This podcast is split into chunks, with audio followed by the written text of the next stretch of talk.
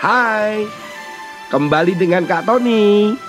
Kita akan membedah, membuka, belajar tentang kitab Amsal yang ditulis oleh Raja Salomo. Agar kita mendapatkan hikmat pengetahuan dalam menjalani kehidupan ini. Dibawakan oleh Kak Tony. Tuhan Yesus memberkati.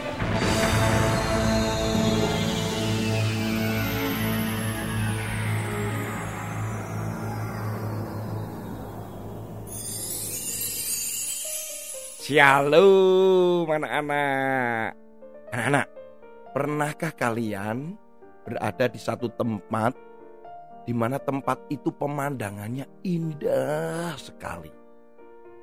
Mungkin kalian bisa merasakan dinginnya udara atau sejuk.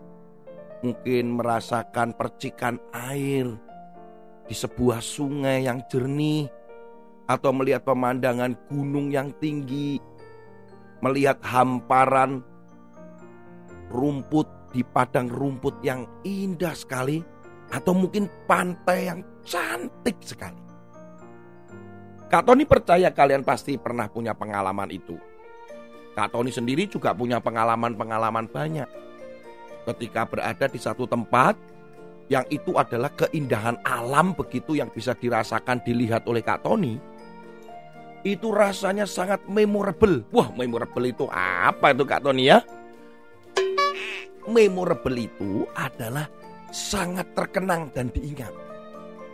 Nah, Kak Tony sering kali berada di tempat-tempat itu selalu berpikir, bagaimana ya ini bisa terjadi, terbentuk, ada gua, ada bukit-bukit dan gunung yang indah, Kemudian ada tanaman-tanaman yang cantik sekali. Bagaimana udara yang sejuk. Wah, segar. Tanpa harus menghidupkan AC. Itu kadang berpikir terus. Bagaimana bumi ini diciptakan dengan keindahan-keindahan itu. Walaupun manusia itu sering kali yang merusak. Sehingga terjadi banjir, terjadi bencana alam itu kebanyakan karena ulah manusia yang merusak dengan memotong pohon atau menebangnya, kemudian membangun rumah dengan seenaknya, membuang sampah ya akhirnya membuat jadi yang indah itu jadi kotor, jadi rusak. Pernahkah kalian berpikir bahwa siapa yang bisa membuat seperti itu? Sanggupkah manusia membuat sesuatu itu indah, alami? Manusia bisa membuat alam buatan. Contohnya adalah danau buatan. Kak Tony juga pernah melihat danau buatan. Kak Tony tanya, ini bagaimana bisa ada air di sini? Ternyata di situ diberikan alas khusus supaya airnya tetap ada di situ. Tapi airnya tidak bisa mengalir manusia bisa membuat theme park atau tempat bermain anak-anak. Wah, sangat menyenangkan. Ada komedi putar, ada roller coaster, wah macam-macam. Dibuat seindah mungkin dengan lampu gemerlap yang banyak warna-warni, tapi semuanya itu buatan manusia. Tergantung dengan listriknya, tergantung dengan alat dan teknologinya tidak terjadi sedemikian rupa indahnya alam. Tidak akan pernah bisa menyamai keindahan alam yang luar biasa itu. Nah, siapa yang menciptakan itu? Sederhana sebetulnya, yaitu yang menciptakan Tuhan. Ketika Kak Tony melihat itu, siapa yang menciptakan ini? Tuhan.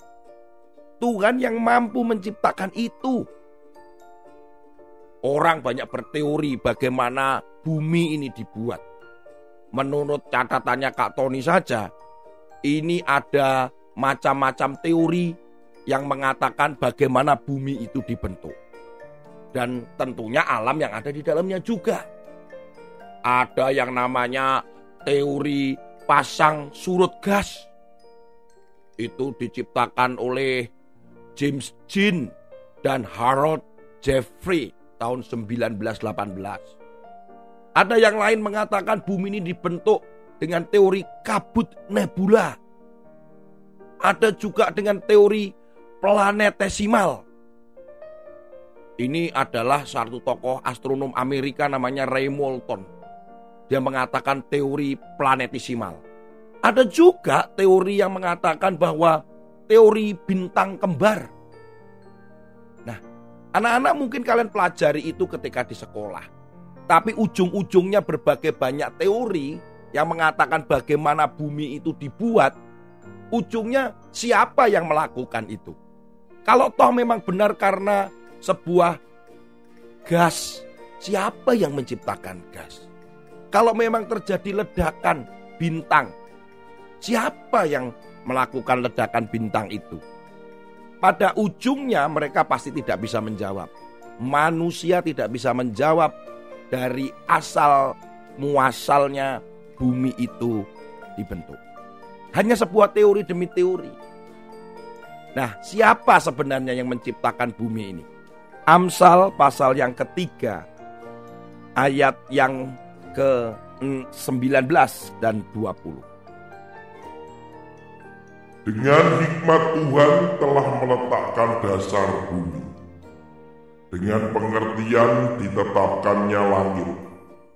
Dengan pengetahuannya air samudra raya berpencaran dan awan menitik. Firman Tuhan katakan dalam Amsal itu bahwa dengan hikmat Tuhan meletakkan dasar bumi, artinya menciptakan bumi ini. Dengan hikmat itu artinya firman dong bahwa Allah berfirman itu terjadilah bumi ini. Kalau kalian melihat di dalam kitab kejadian tuh, wah kejadian pasal 1 ayat 1 sampai ayat yang ke-31.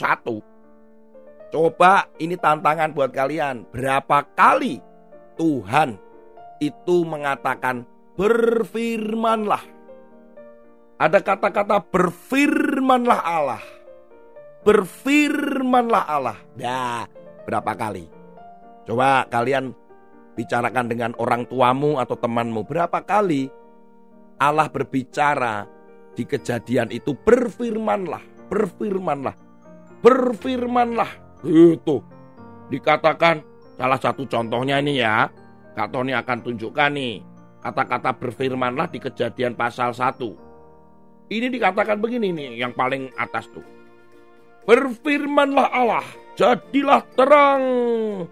Lalu terang itu jadi. Kemudian ada lagi, berfirmanlah Allah, jadilah cakrawala di tengah segala air untuk memisahkan air dari air. Wah pokoknya banyak tuh berfirmanlah Allah, berfirmanlah Allah.